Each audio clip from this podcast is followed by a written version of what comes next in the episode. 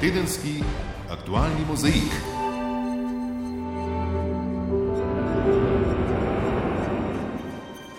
Lepo pozdravljeni. V tem tednu je vsemu svetu vendarle postalo jasno, da bo prihodnja štiri leta v Beli hiši prebival Joe Biden.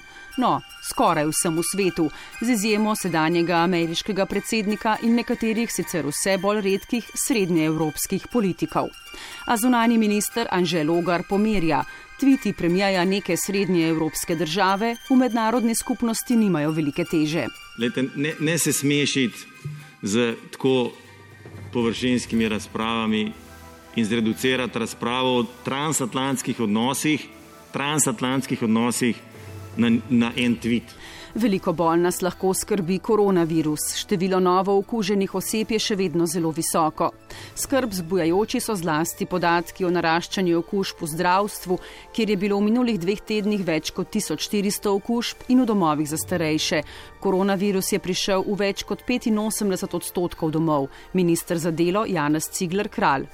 Je trenutno uh, v Sloveniji od skupaj uh, okoli 19 tisoč stanovalcev domovih za starejše, aktivno okuženih 1551 stanovalcev, od skupaj 12 287 zaposlenih pa 718 Vlada je tako v četrtek sprejela nove ukrepe. Prepovedana so vsa javna zbiranja, razen za člane istega gospodinstva. Za najmanj 14 dni je zaustavljen javni promet, šole ostajajo zaprte. Zaprte so najnujne trgovine, upravne enote opravljajo le najnujnejša opravila. S šestim protikoronskim svežnjem ukrepov namerava tudi bistveno zvišati kazni za kršitve omejevanja zbiranj na javnih krajih. Spet pa je omogočena sklenitev zakonske zveze, vendar le ob soglasju Ministrstva za delo. S ponedeljkom se črtajo tudi nekatere dosedanje izjeme za prehajanje državne meje. Notranji minister Aleš Hojs.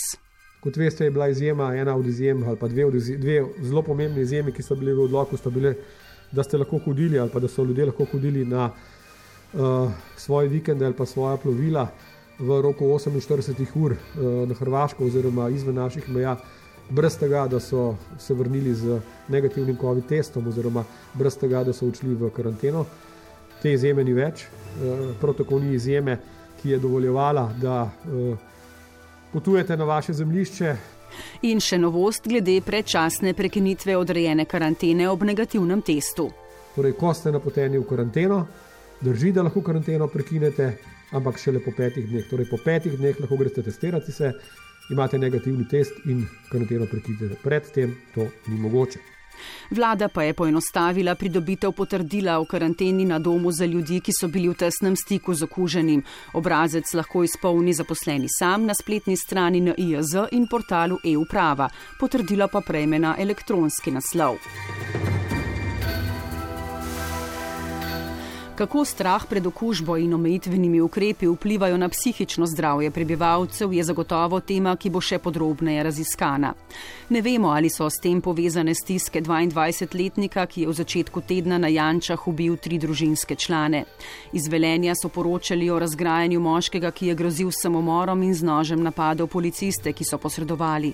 Policija je prvič uporabila električni paralizator, kar pa ni zadostovalo, saj je poznaje uporabila tudi streljno orožje. Iz policije pa so v tem tednu tudi potrdili, da so prejšnji četrtek proti izgrednikom Ljubljani spet prvič uporabili gumijaste naboje. V pandemiji se je, kot že toliko krat doslej, znova pokazalo, da Evropska unija v krizah ne deluje. Evropska komisija želi z novimi predlaganimi ukrepi okrepiti povezovanje na področju zdravstvenih politik. Tako naj bi ustanovili posebno agencijo za soočanje s prihodnimi zdravstvenimi krizami, sprejeli naj bi pravno podlago za evropski načrt ukrepov in vzpostavili sistem spremljanja epidemij na evropski ravni. S sodelovanjem lahko rešimo več življenj. Solidarnost je treba umestiti v zakonodajo zakonodajo, je zapisala predsednica Evropske komisije Ursula von der Leyen. Da je problem ravno pomankanje solidarnosti, smo sicer že videli tako v času grške krize, kot pri reševanju migrantov iz sredozemlja in migranski krizi leta 2015. Vidimo pa to tudi pri soočanju z globalno podnebno krizo. Tedenski aktualni mozaik. V prihodnji uri bom z vami Špela Novak in zdaj čez Atlantik. V Združene države Amerike sem poklicala našega dopisnika Andreja Stoparja. Andrej Stopar od ameriških predsedniških volitev je menilo že deset dni, preštevanje glasov je trajalo relativno dolgo, novi ameriški predsednik pa je zdaj načeloma znan, to je Joe Biden.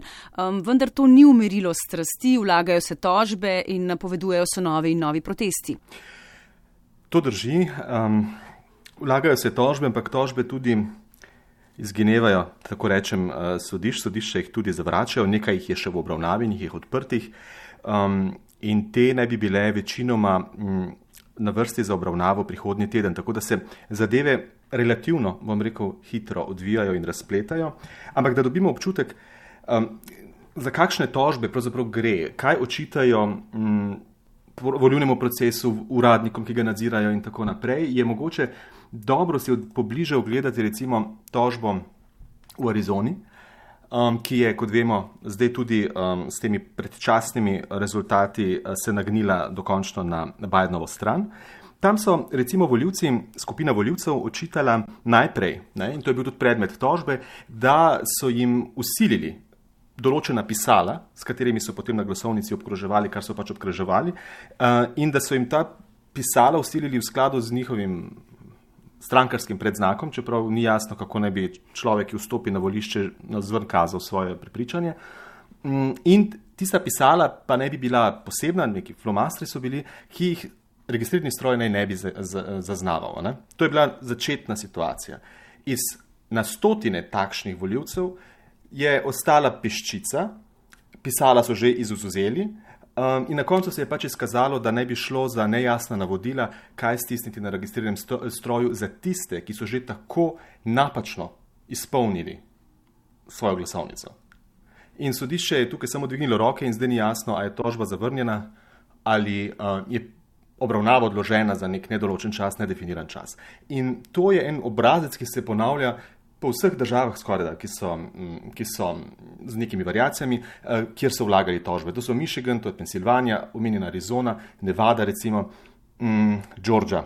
Ne? Tako da to so države, ki so, ki so se pač nagnile na Bidenovo stran in mu pač prinesle to zmago, zdaj ima 306 elektronskih glasov. Pa bi te tožbe lahko kaj zakomplicirale še? Ne, to je pa pravzaprav ta um, frustrirajoč trenutek da matematika jasno kaže, da nikjer ni vprašanje toliko glasovnic, da bi spremenila izid.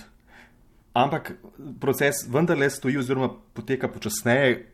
In predsednik še zmeraj pač ne prizna poraza, čeprav je to pravzaprav očitno. In prej sem me vprašala o protestih. Da, protesti se, um, se, se začenjajo čez približno uro v središču uh, Washingtona. Gre to, kar gre za prvič, za res po napovedih ne bi bili množične proteste uh, Trumpovih privržencev, kajti Washington je mesto, kjer ima uh, predsednik daleč najnižjo podporo, uh, če to primerjamo z drugimi um, predeli Združenih držav Amerike.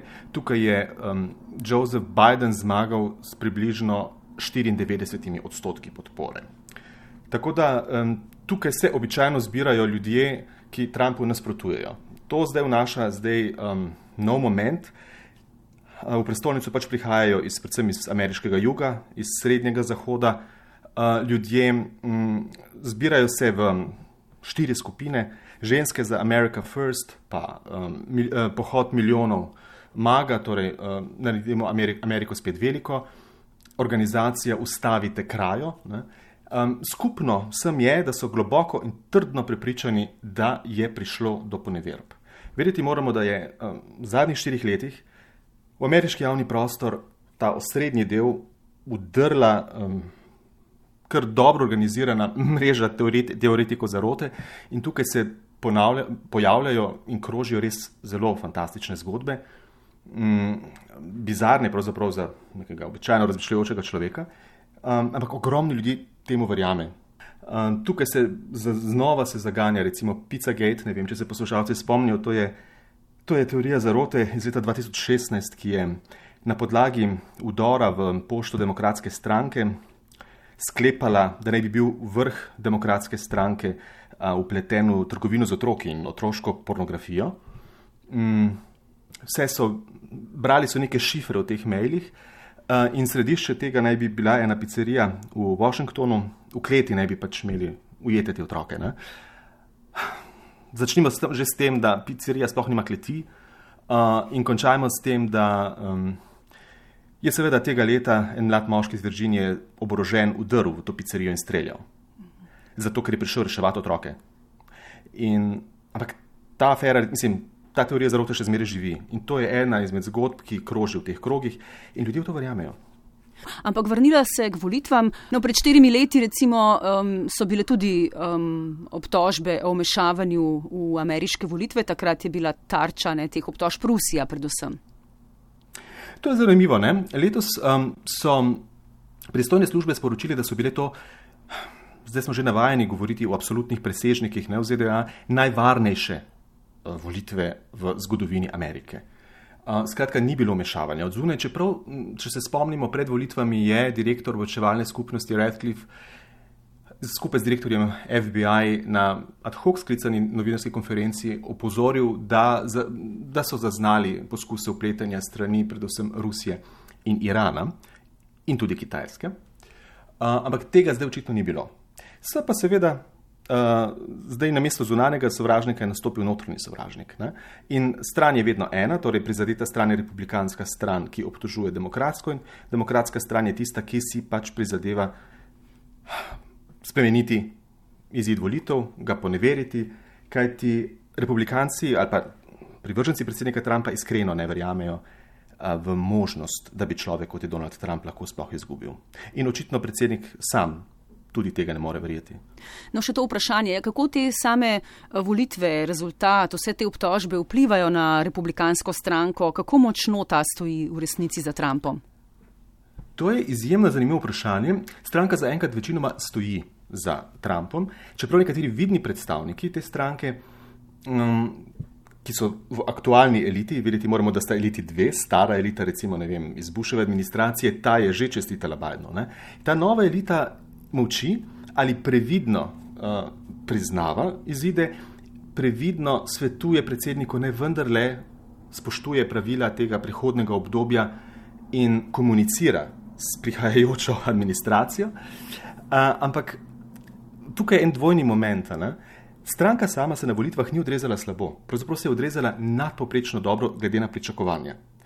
Sicer se je predsednik Trump, glede na ljudski glas, odrezal odlično, ker je dobil izjemno veliko podporo, ampak je izgubil.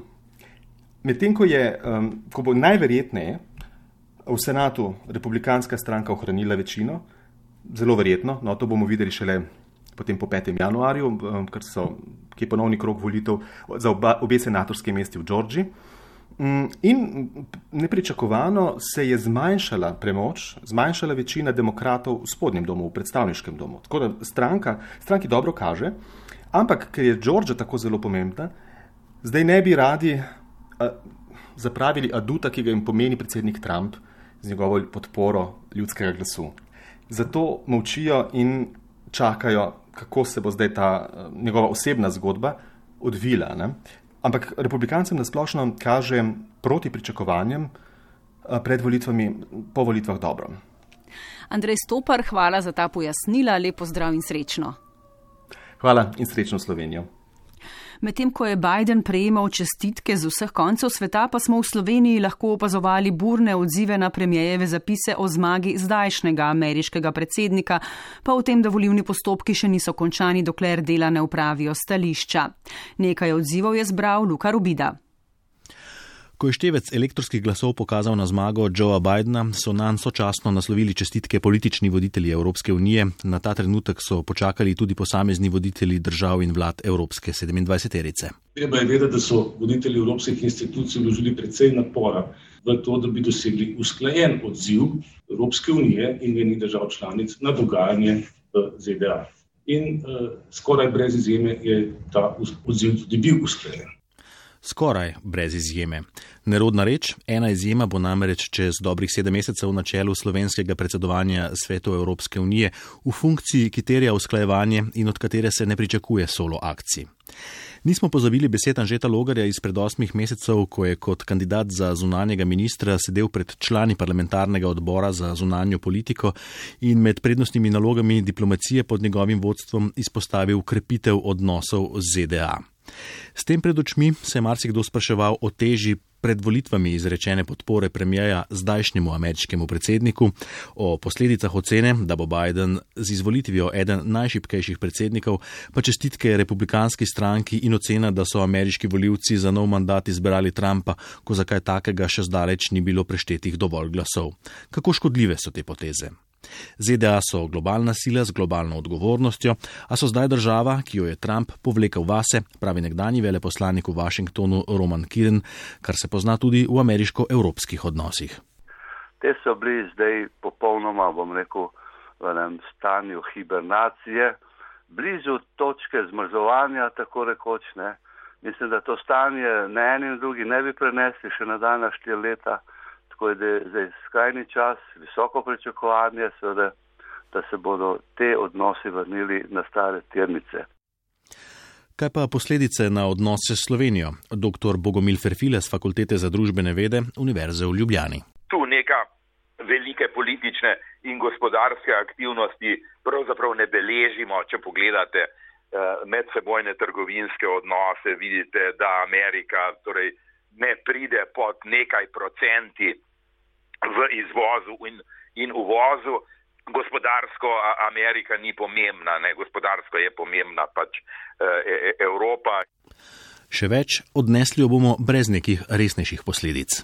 V ameriški diplomaciji šteje v veliki meri predvsem denar. Denar v tem smislu kupuje ameriško, zlasti seveda na področju, na področju vojaške opreme. Eh, in pa druga, druga takšna, bi rekel, njihova praktična teža je na pridruži se ameriškim vojaškim akcijam v tujini. To šteje. Razne izjave, eh, zlasti so strani vlad, katerih rok trajanja je vprašljiv, seveda v tem nimajo neke velike teže. Predvsej vročično so se o teh zadevah pogovarjali v državnem zboru, kjer je zunanje politični odbor terjal pojasnila od zunanjega ministra Matjaš Nemec, SD. Gre za največji zdrs na področju slovenske diplomacije v zgodovini. Zdrs, ki terja načrt poprave škode, je menil, a zunani minister je potrebo po sanacijskem planu našel drugot in v nekem drugem času, in sicer na ministrstvu v trenutku, ko je prišel tja, saj je po njegovem podedoval slovensko-ameriške odnose na tako nizki ravni, kot jih ni bilo še nikoli prej. Lejte, ne, ne se smešiti z tako površinskimi razpravami in zreducirati razpravo o transatlantskih odnosih, transatlantskih odnosih na, na en tweet. Dajte, nehajte s tem. No. Opozicija z zgodovinskim zdrsom pretirava ali gleda minister skozi rožnata očala. Ob pretehtavanju te dileme zlahka vznikne še vprašanje, ali Bidenova zmaga jemlje veter iz jadr, ki žene populizem po svetu, po Evropi. Roman Kiren. Mislim, da tega sploh ne smemo podcenjevati in da tudi to je nekaj, kar bo morala tista Evropa, bom rekel, Združena Evropa, ki je še vedno večinska, bom rekel, to resno vzeti kot eno prednost v naslavljanju, bom rekel, teh ekscesov demokracije, ki jih imamo v sami Evropski uniji. Z močjo, ki jo je Trumpizem dal evropskim suverenističnim silam, bo to izjemno težko. Tedenski aktualni mozaik. Javno življenje v Sloveniji je praktično ustavljeno. Z včerajšnjim dnem je prepovedano kakršno koli druženje na javnih krajih, razen če ste v družbi ožjih družinskih članov ali članov istega gospodinstva. V ponedeljek se za 14 dni ustavljajo tudi vse nenujne storitve z določenimi izjemami. Vse to z namenom hitrejše zaezitve širjenja novega koronavirusa med populacijo in posledično razbremenitve zdravstvenega sistema, ki poka po šivih. Podrobneje v prispevku Katja Arha. Vračamo se v sredino marca, ko niso vozili avtobusi in vlaki, šole so se izvajale nadaljavo, zaprte so bile nenujne storitve in trgovine, razen tistih življenskimi potrebščinami. Javno življenje je v jesenskem valu od oktobrskega zaprtja gostinskih obratov že okrnjeno, še bolj so ga omejila zaprtja kulturnih ustanov. V ponedeljek sledi zaprtje nenujnih dejavnosti. Tokrat za 14 dni, pojasnjuje minister za zdravje Tomaš Gantar. 14 dni je tista inkubacijska doba, kjer lahko tudi, če je okužba znotraj vem, družine, manjše skupnosti, ki pač živi skupaj, eh, da se bolezen bodi si razvije in umiri, eh, bodi si se ta krok prekine, da ne bi prenašali znotraj družbe naprej okužb. Vse le ne bo enako kot pomladi, med drugim se niso povsem zaprle zdravstvene dejavnosti. Glede na sezono, eh, glede na potrebe, bodo vulkanizeri lahko obratovali, glede na bližajočo zimo, eh, dimnikari, glede na svede, potencijalne nevarnosti, ki lahko spremljajo sezono ogrevanja. Eh, upravne enote bodo samo za najnujnejše primere in gospodarstvo Sveda bo sveda industrijska proizvodnja delovala nam normalno naprej in pa gradbeništvo na nenaseljenih eh, gradbiščih.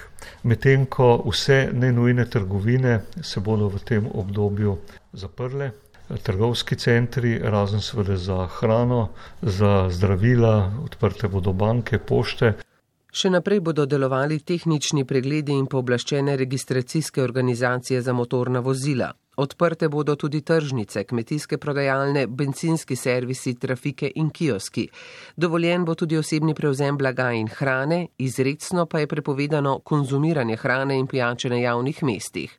Tudi druženje na javnih krajih je prepovedano, razen če smo v družbi ožjih družinskih članov ali članov istega gospodinstva. V veljavi ostaja prepoved prehajanja med občinami in omejitev gibanja med 21 in 6 uro zjutraj. Za 14 dni bo od ponedeljka ustavljen javni potniški promet, vozili bodo le taksiji. Prehajanje državne meje za lastnike nepremičnin, plovila ali zemlišč za 48 ur ne bo več dovoljeno brez negativnega testa ali karantene o povratku. Izjema so nujna upravila, pojasnjuje vladni govorec Jelko Kacin. Ko gre za nujna upravila, so ta nujna upravila še mogoče, ampak za eno osebo. Če pa to traja dlje, potem pa očitno ne gre za nujo in v tem primeru oseba pride na mejo in dobi karanteno, ki jo lahko skrajša šele po petih dneh. Minister za notranje zadeve Aleš Hojs dodaja še eno omejitev. Prav tako smo črtali tisto dikcijo, ki je dovoljevala obiske ožjih družinskih članov v roku 72 ur. Ta dikcija je sedaj dovoljena zgolj še za obiske znotraj EU-ja oziroma šengenskega območja. Povedano bolj po domače, preživljanje vikendov v Bosni ali pa v Srbiji ni več mogoče.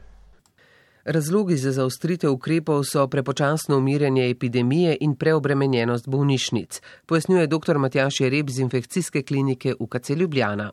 Dejstvo je, da so razmere v bolnišnicah, kar se tiče prostih, navadnih, predvsem pa kar se tiče prostih intenzivnih eh, postelj, kritične. Predvsem intenzivnih postelj v marsikateri slovenski bolnišnici že primankuje. Še naprej ostaja velika težava pomankanja usposobljenih zdravstvenih delavcev, ki tudi sami zbolevajo. Zdravstvena stroka pa napoveduje, da se bo pritisk na bolnišnice začel umirjati šele čez kak teden ali dva. Skrb vzbujajoče so tudi številke okuženih stanovalcev domov za starejše. Teh je trenutno več kot 1500, okužbe pa so se pojavile že v 80 odstotkih vseh domov. Domovi rdeče cone vzpostavljajo tudi v zonanjih objektih, ponekod tja selijo zdrave stanovalce. Minister za delo Janez Cigler Kralj. Je pa razveseljivo to, da v številnih domovih kar nekaj zaposlenih je že ozdravelo in se vračajo nazaj na delo in to jih tudi rešuje. Na drugi strani se je tu pokazala velika solidarnost med domovi, med ostalimi socialno-varstvenimi zavodi in pa res posebej poudarjam zahvalo civilni zaščiti, ki pomaga Eh, pri prerasporejanju prostovoljcev, manjkajočega kadra, pri koordiniranju eh, tudi pomoči domovom za starejše in drugim zavodom tam, kjer je to potrebno. V zadnjih tednih strmo narašča tudi število umrlih bolnikov s COVID-19, ki so večinoma starejši. Da bi zavarovali najšipkejše, torej starejše in kronične bolnike, pristojni pozivajo k upoštevanju ukrepov, se lahko le skupaj zmanjšamo prisotnost virusa v populaciji. Cepivo proti bolezni COVID-19, ki ga nestrpno pričakuje v svet, bi lahko bilo v uporabi že k malu. V začetku tedna je prva od ameriško-nemških firm objavila, da je njihovo cepivo izkazalo 90 odstotno učinkovitost. To so sicer preliminarni rezultati, saj tretja faza kliničnega testiranja še ni končana. Gre za sodelovanje podjetij Pfizer in BioNTech pri izdelavi cepiva, ki ne bi bilo potem, ko ga bo odobrila Evropska agencija za zdravila, na voljo tudi v Sloveniji morda že v drugi polovici decembra, je napovedal ministr za zdravje Tomaš Gantar. Helena Lovinčič. V ponedeljek je ameriški farmacevtski velikan objavil na spletni strani novico, da so v prvi umestni analizi učinkovitosti ugotovili, da je kandidat za cepivo več kot 90 odstotno učinkovit pri preprečevanju COVID-19. Analiza je ocenila 94 potrjenih primerov COVID-a, v študijo pa je bilo vključenih 43 538 udeležencev. 42 odstotkov jih je imelo različno ozadje. Resnih pomislikov težav glede varnosti pa niso opazili. Podatki o varnosti in dodatni učinkovitosti pa se še naprej zbirajo. Predložitev dovoljenja za začasno uporabo pri ameriški upravi za prehrano in zdravila je načrtovana k malu po doseganju zahtevanega mejnika varnosti, ki naj bi se trenutno zgodil v tretjem tednu novembra. Je to tisto, kar je svet nestrpno pričakoval, smo vprašali Romana Jerala iz Kemijskega inštituta. Ja, jaz bi rekel, da je to ta novica, ki smo jo zelo dolgo in, in, in težko čakali, zato ker ni bilo jasno, predvsem kako učinkovito bo to cepiva.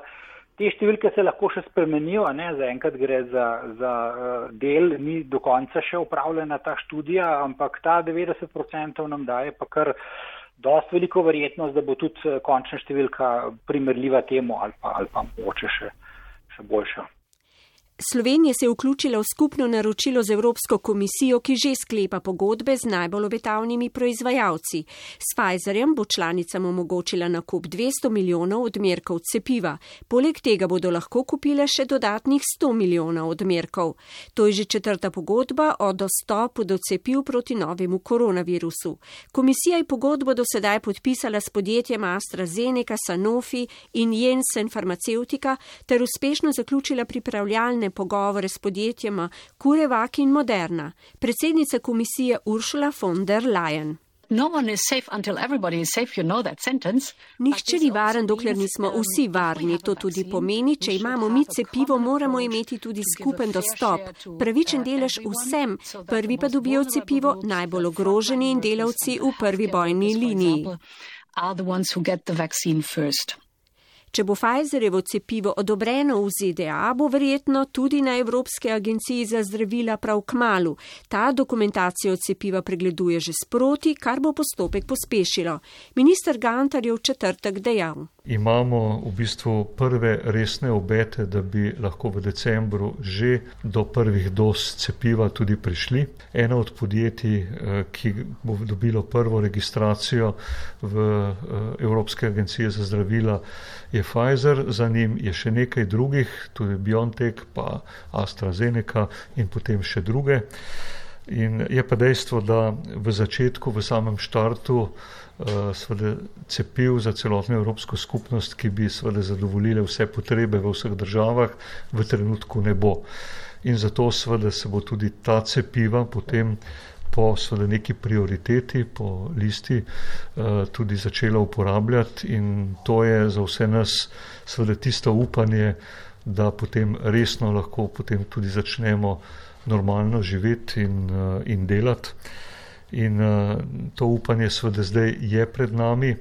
Dodatno je postopek pridobitve cepiva pojasnila Doroteja Novak Gosarič. Evropska komisija se pogaja s sedmimi proizvajalci, ki bodo Evropi ponudili cepiva iz treh različnih platform. Hitrost uh, vstopa teh uh, različnih platform bojo različno potekale. V najboljšem možnem scenariju bo prvo cepivo dostopno predvidoma konec decembra. To pomeni, ker so tri različne platforme, bo treba pripraviti tri različne strategije in vsaka strategija bo morala slediti lastnostim cepiva. Se pravi, od shranjevanja do, uh, bom rekla, indikacij. Nekatera od teh cepiv bojo mogoče bolj učinkovita pri preprečevanju širjenja okužb, druga bodo mogoče bolj učinkovita pri preprečevanju zapletov povzročenih z, z, z tem virusom. Skratka, uh, strategija se bo pripravljala sproti in v pomoč državam članicam pri pripravi nacionalnih komisij je Evropska komisija pripravila krovno strategijo cepljenja. In vse države članice sedaj pripravljamo te strategije, vsaka na svoji nacionalni ravni. Vse države članice bodo cepivo prejele istočasno in na enakopraven način po ključu delitve po številu prebivalcev. O prvi pošiljki naj bi bili pri nas tako najprecepljeni oskrbovanci v DSO, zdravstveni delavci in drugi kritični poklici, na to ostali starejši in kronični bolniki. Cepiti bi se moralo okoli 60 odstotkov prebivalstva, toliko cepiva je Slovenija tudi rezervirala. Prihodnji teden bo imel minister Gantar sestanek s Pfizerjem, dogovorili naj naj bi se o transportu cepiva, ki more biti hranjeno na minus 80 stopinjah. Gospodarstvo, zlasti storitveni del, je zaradi pandemije praktično na kolenih. Vlada je zato ta teden sprejela že šesti protigoronski paket pomoči, ki med drugim predvideva državno kritje najemnin, a obrtniki in podjetniki, predvsem tisti, ki se ukvarjajo z gostinstvom in turizmom, opozarjajo, da tudi to žal ne bo dovolj za preživetje. Urška je rep. Tretjina obrtnikov in podjetnikov razmišlja o zaprtju svoje dejavnosti. Kot je pokazala anketa, ki jo je v teh dneh med svojimi člani izvedla obrtna zbornica, naj bi zaradi zaustritve ukrepov za zajezitev širjenja koronavirusa kar tretjina članov razmišljala tudi o tej skrajni možnosti. Poleg tega pa kar 41 odstotkov vprašanih obrtnikov in podjetnikov meni, da ukrepov zbranih pod PKP 6, ki jih je vlada sprejela ta teden, žal ne bodo mogli izkoristiti.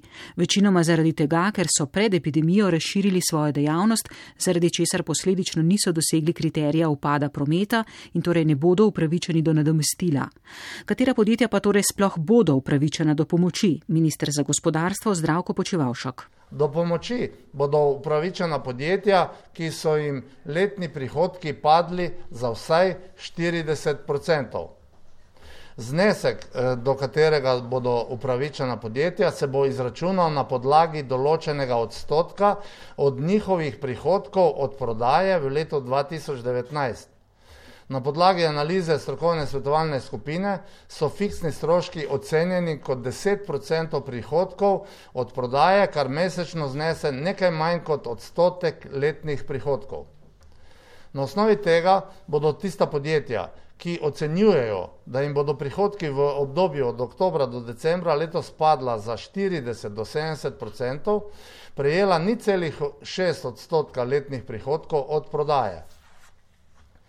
Tista, ki jim bo promet padel za več kot 70 odstotkov, pa bodo prejela 1,2 odstotka letnih prihodkov od prodaje. Prvič od začetka pandemije se je vlada odločila, da podjetjem pomaga tudi s pokritjem tako imenovanih fiksnih stroškov. V uh, teh eh, fiksnih stroških eh, poskušamo zajeti štiri vrste stroškov in sicer najemnine, nadomestilo za sklad stavbnih eh, zemlišč, za, za varovalne premije in stroške energije. Tako da je vprašanje najemnin pokrito in rešeno na način, da pokrivamo uh, stroške, tako kot sem prej povedal, na izračunu, da je v poprečju približno 10% uh, eh, stroškov. Vendar za vse to žal ne bo dovolj. Predsednik sekcije za turizem in gostinstvo pri obrtni zbornici Blaž Cvar ocenjuje, da se bodo v njegovi panogi težko izognili odpuščanju in zapiranju. Če ima gostilna recimo 10 zaposlenih, To pomeni vsaj 10 tisoč evrov plus nekateri fiksni stroški in v času enomesečnega zaprtja se vseh teh stroškov plač in fiksnih stroškov nabere za skoraj da 15 tisoč evrov, če bomo zaprti dva meseca 30 tisoč evrov in tako naprej. Cvar čistega vina nalije tudi glede do zdajšnjih izgub v turizmu in gostinstvu. Do danes imamo v panogi turizma in gostinstva že 9600 novih eh, brezposelnih nekako se napoveduje, da če se bo to nadaljevalo in ti ukrepi ne bodo zadostni, da bomo prišli do številke 20 tisoč. To pa seveda pomeni, da bomo v panogi, ki je strateško pomembna za Slovenijo, turizem, ki ga tako veliko naslavljamo sicer v nekih normalnih časih, da bomo v takšnem zaostanku da bo to težko nadoknaditi v naslednjih letih. Ne glede na to je sprejem že šestega protikoronskega paketa, po mnenju dr. Bogomirja Kovača z Ljubljanske ekonomske fakultete, vsekakor korak v pravo smer, a mora biti ne dovolj konkreten in nedvoumen. Glede sprejetih ukrepov, ki jih bodo v državnem zboru obravnavali čez deset dni, zato pravi. Dobro je torej, da jih imamo, so pa težko izvedljivi, ker imajo celo kopico preprosto nekih mejnih določil, ki so potem lahko za prenos dejanske pomoči in konec koncev tudi za prejemnike lahko zelo komplicirani. To se mi zdi tudi tokrat pri pokrivanju fiksnih stroškov eh, enako zahtevno administrativno komplicirano dejanje. Sam bi zadeve nekoliko poenostavil, pravi Kovač. Sam bi preprosto razmišljal tako, da koliko gre za mikropodjetja, za samozaposlene, skratka za podjetja, z uh, nekaj zaposlenimi, ki so seveda tudi najbolj občutljiva, če gre za dejavnosti, ki jih je država z odlokom v bistvu ukinila ali jim bistveno omejila poslovanje, potem bi bilo veliko bolj enostavno iti na povprečnine dohodkov in podjetjem prepustiti pravzaprav celotno pokrivanje njihove strukture stroškov. Kakorkoli za šesti paket pomoči gospodarstvu je vlada namenila okoli milijardo evrov, že zdaj pa napoveduje tudi sedmi paket. V njem naj bi bile pomoči še bolj ciljno usmerjene. Odbor državnega zbora za finance pa je danes končal obravnavo predloga sprememb proračuna za leto 2021, s katerim se načrtovani obseg odhodkov zaradi ukrepov ob epidemiji povečuje za več kot četrtino. Poslanci so podprli štiri predlagana dopolnila in sicer dopolnilo koalicijskih strank, s katerim bo kulturno ministrstvo dobilo dodatne 3 milijone evrov za projekt Muzej osamosvojitve Slovenije in tri dopolnila SNS po milijon evrov za dozidavo zdravstvenega doma Slovenske konice obnovo vrca v občini Ormož ter za izgradnjo športne infrastrukture zlasti v obmejnih občinah. Druga dopolnila so bila zavrnjena. Tedenski aktualni mozaik. Evropska unija je korak bliže k uresničitvi zgodovinskega dogovora o svežnju za boj proti pandemiji COVID-19 vrednega 1824 milijard evrov. Ta vključuje večletni finančni okvir od leta 2021 do 2027 in sklad za ukrevanje, ki sta tesno povezana. Zaradi pogojevanja sredstev s spoštovanjem vladavine prava pa je Mačarska napovedala veto, tako da bodo do končnega dogovora, kot kaže, še nekaj političnih preigravanj. Evropska komisija je v enem tlako oblikovala temelje zdravstvene unije, več Sandra Krišal. Dogovor o svežnju za obnovo unije po pandemiji in njegova čimprejšnja implementacija je glavna prioriteta nemškega predsedovanja svetu 27-terice. Iz nemškega predsedstva so sporočili, da gre za dobro uravnotežen dogovor, ki upošteva smernice julijskega zasedanja Evropskega sveta. Ugodili so tudi Evropskemu parlamentu in dodali 16 milijard evrov za krepitev evropskih programov, obzorje Evropa, EU za zdravje in Erasmus, ter za učinkovitejše naslavljanje prihodnih kriz. Pomemben premik je vključitev novih lastnih virov financiranja, iz katerih bo Evropska unija lahko vračala dolg iz naslova skupnega zadolževanja. Za to vrstne predloge je v preteklosti vedno zmanjkalo politične volje. Tako bo prihodnje leto uveden davek na nereciklirane plastične odpadke, leta 2023 davek iz scheme trgovanja z izpusti, leto poznaje digitalni davek in leta 2026 davek na finančne transakcije in finančni prispevek povezan s korporativnim sektorjem. Sveže naj bi začel veljati 1. januarja, čas se izteka, države za pomoč gospodarstvom v krizi že težko čakajo na denar. V Evropskem parlamentu ni pričakovati zavlačevanj, saj so dogovor kot velik uspeh podprle vse največje politične skupine, se pa zapleta pri državah članicah, ki morajo večletni proračun sprejeti s soglasjem. Mačarsko moti pogojevanje črpanja sredstev s spoštovanjem vladavine prava in kot je predsednici komisije Ursuli von der Leyen in predsedniku sveta Šarlu Mišelu zapisal premijer Viktor Orban, ne more zagotoviti soglasja. Mehanizem o vladavini prava zahtevajo predvsem neto plačnice v skupno blagajno. Do omenjene rešitve je bila težka pot in Unija mora pokazati, da je pripravljena rešiti krizo skupaj po načelu solidarnosti, je sporočil nemški minister za evropske zadeve Mihajl Roth in pomenljivo pozval Mačarsko k odgovornemu ravnanju. Tudi Mačarska, ki iz evropskih skladov prejme znatna proračunska sredstva, je za dogovor zainteresirana. Vlade pa morajo potrditi tudi sklad za ukrevanje in Nemčija želi biti zgled s čim hitrejšo potrditvijo. Solidarnost je tesno povezana z reševanjem zdravstvene krize. Zunani minister Anže Logar je bil na spletnem posvetu o prihodnosti Unije po pandemiji dokaj optimističen. In tudi to soglasje, ta dogovor, ki so ga predsedniki držav in eh, vlad sklenili na julijskem vrhu, kaže na to, da ta solidarnost obstaja. Lejte, instrument, o katerem je komisar Lenarčič predgovoril, je popolnoma novo ustvarjen. Evropska unija se bo skupno zadolžila v prihodnosti za to, da bo svojim državam, predvsem pa njenim državljanom, omogočila čim bolj mehak pristanek po tej COVID krizi. In mislim, da je to zelo pomemben signal, ki ga ni za spregledati in ga je treba večkrat podariti, da torej ta solidarnost obstaja, da Evropska unija deluje. Evropska komisija je sredi tedna potrdila dogovor s Pfizerjem in BioNTechom o nakupu 300 milijonov odmerkov cepiva proti COVID-19, ki naj bi bilo 90 odstotno učinkovito. Države članice se bodo lahko odločile, koliko cepiva bodo kupile. Komisija želi na zdravstvenem področju pridobiti še več pristojnosti in vzpostaviti zdravstveno unijo.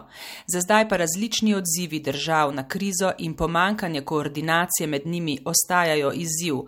Komisar za krizno upravljanje Jan Janez Lenarčič je v spletnem pogovoru zavrnil kritike na račun Unije. Države, članice Evropske unije so same sebi pridržale vse pristojnosti na področju zdravstva, na področju civilne zaščite, na področju eh, nadzora nad mejami in dopustile Evropske komisiji samo podporno vlogo. Komisija je v začetku poletja podala več kot 100 smernic in priporočil za pripravljenost in odpornost pred drugim valom. Zdaj predlaga ustanovitev agencije za soočanje s prihodnimi zdravstvenimi krizami do leta 2023, ki bi povezala testiranje z evropskimi laboratoriji, podobno kot Ameriška agencija za biomedicinske raziskave in razvoj.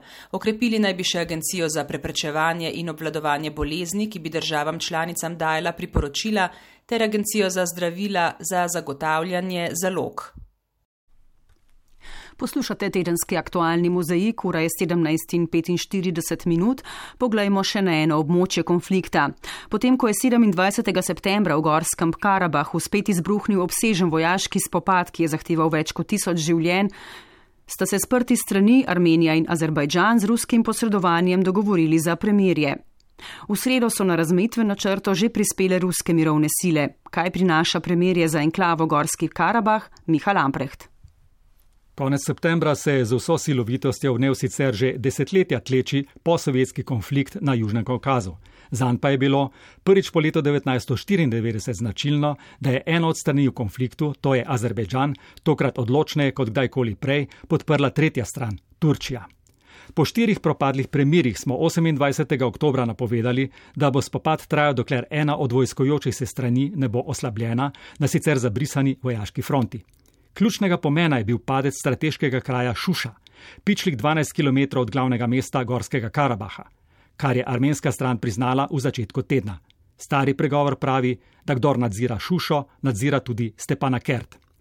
Ruski predsednik Putin je po sobotnem pogovoru s turškim predsednikom Erdoganom v noči z ponedeljka na torek sporočil. Сегодня 9 ноября президентом Азербайджанской республики Алиевым S predsednikom Azerbejdžana Alijevom in armenskim predsednikom vlade Pašinjanom smo podpisali tristransko deklaracijo, za katero upam, da ne prenaša samo konec trajne napetosti med državama in prelivanje krvi, pač pa tudi nadzorne mehanizme za uresničitev sporazumov, ki smo jih dosegli. Putin je še napovedal, da bodo na razmejitveno območje napotili ruske mirovne sile, ki bodo med drugim tudi zagotovile koridor med Gorskim Karabahom in Armenijo. Azerbejdžanski predsednik Ilham Alijev je ob tem izrazil zadovoljstvo, da je konec dolgotrajnega konflikta in da dogovor pomeni tudi konec armenske okupacije azerbejdžanskega ozemlja. Sa svoje strani hotel bi skazati, da je очень rad, što сегодня stavится točka Pomenljivo je, da se je za pomoč zahvalil tudi turškemu predsedniku Erdoganu. Na dlani je, kdo je bil prisiljen v pacifikacijo. Rusija ima z Armenijo sklenjen vojaški dogovor, na njenem ozemlju pa ima svoje oporišče, a je doslej ustrajala, da se ne bo mešavala konflikt, če ne bo ogroženo ozemlje same Armenije. Armenski premijer Nikola Pašinjan je priznal, da je bilo njegovo sodelovanje pri dogovoru izjemno boleče, tako za on osebno kot za armenski narod.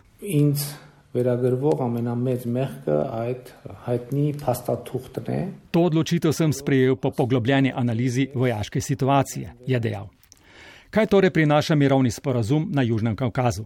Umik armenske vojske iz Gorskega Karabaha, na razmejitveno linijo bo nameščenih 1960 ruskih mirovnikov s petletnim mandatom, ki bodo zagotovili koridor med Gorskim Karabahom in Armenijo.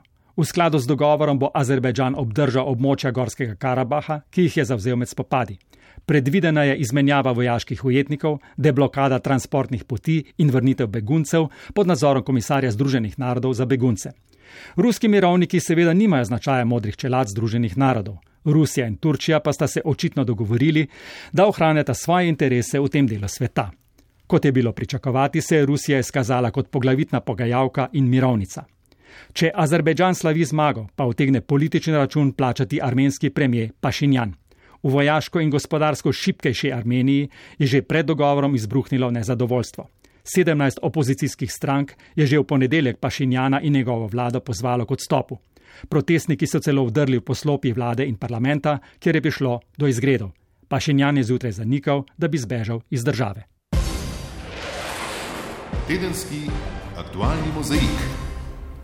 Zdaj pa še k kulturi. V sredo se je začel 31. Ljubljanski filmski festival, eh, ki tokrat zaradi epidemije poteka virtualno. Več nam bo povedala Ingrid Kovač Brus. Dobrodan. Lepo pozdravljena. Epidemija koronavirusa je močno vplivala na letošnje kulturno dogajanje in v teh razmerah je pravzaprav velik uspeh že to, da festival sploh je, čeprav drugače kot sicer.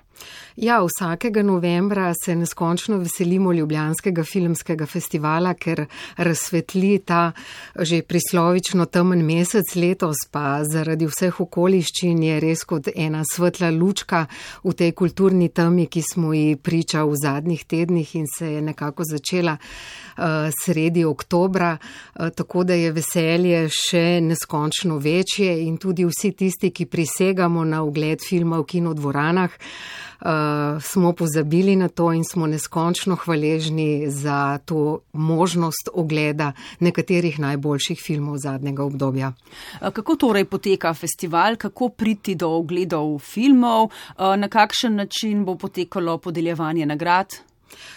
festival poteka, kot si rekla, virtualno, eh, kar pomeni, da na spletni strani organizatorja so dostopni filmi za določeno ceno, eh, potem vsak gledalec dobi kodo. Dobra novica je, da si lahko več ljudi, seveda samo določeno število, kot vemo, lahko potem film ogledate skupaj in nekako tudi doma pričarate malo kinodvorano.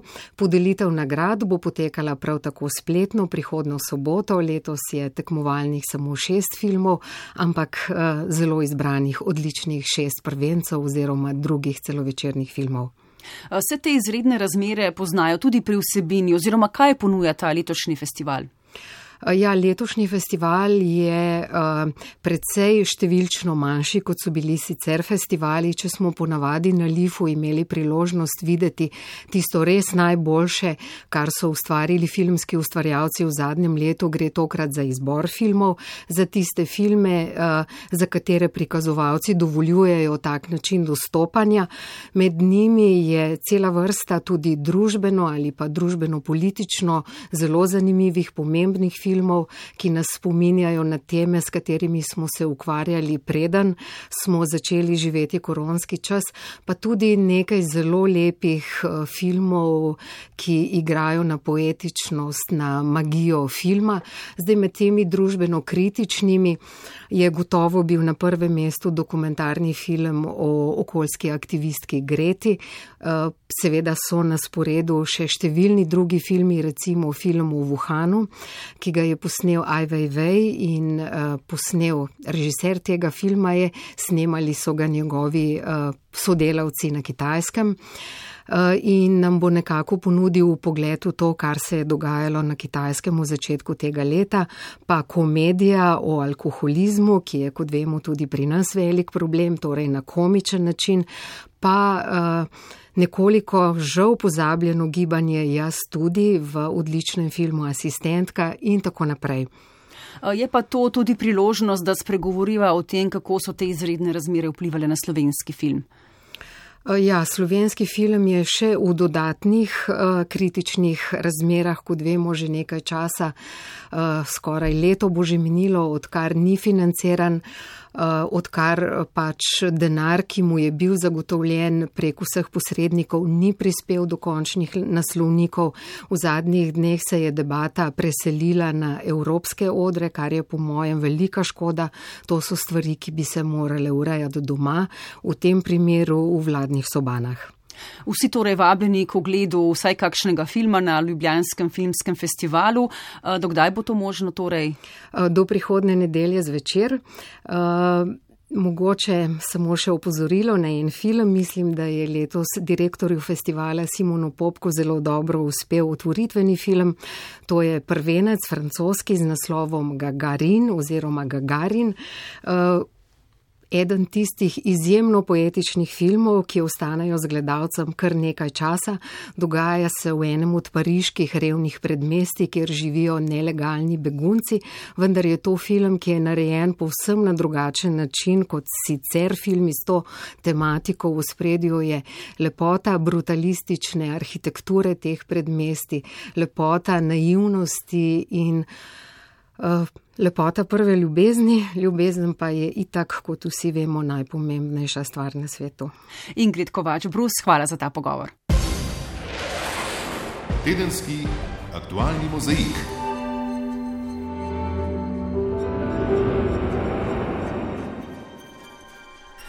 Ljubljanski filmski festival bo torej še toliko bolj dobrodošel v dnevih, ko nas čaka še večje zaostrovanje protikoronskih ukrepov.